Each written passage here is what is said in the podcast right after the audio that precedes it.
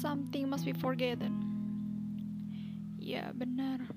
Ada kalanya kita harus menyimpan dan melupakan memori-memori yang pernah terjadi pada hidup kita. Memori baik, memori buruk, sesuatu yang ingin dilupakan, maka lupakanlah. Setelah masanya hilang, maka hilangkanlah. Tak usah disimpan dan ditumpuk Di sini aku ingin sedikit membantu teman-teman dan menjadi penghubung untuk berbagi kenangan dalam melupakan apa pun yang ingin dilupakan. Yang akan diabadikan dalam cuplikan podcast singkat.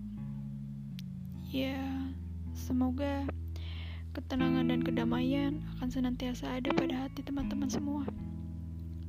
Terima kasih.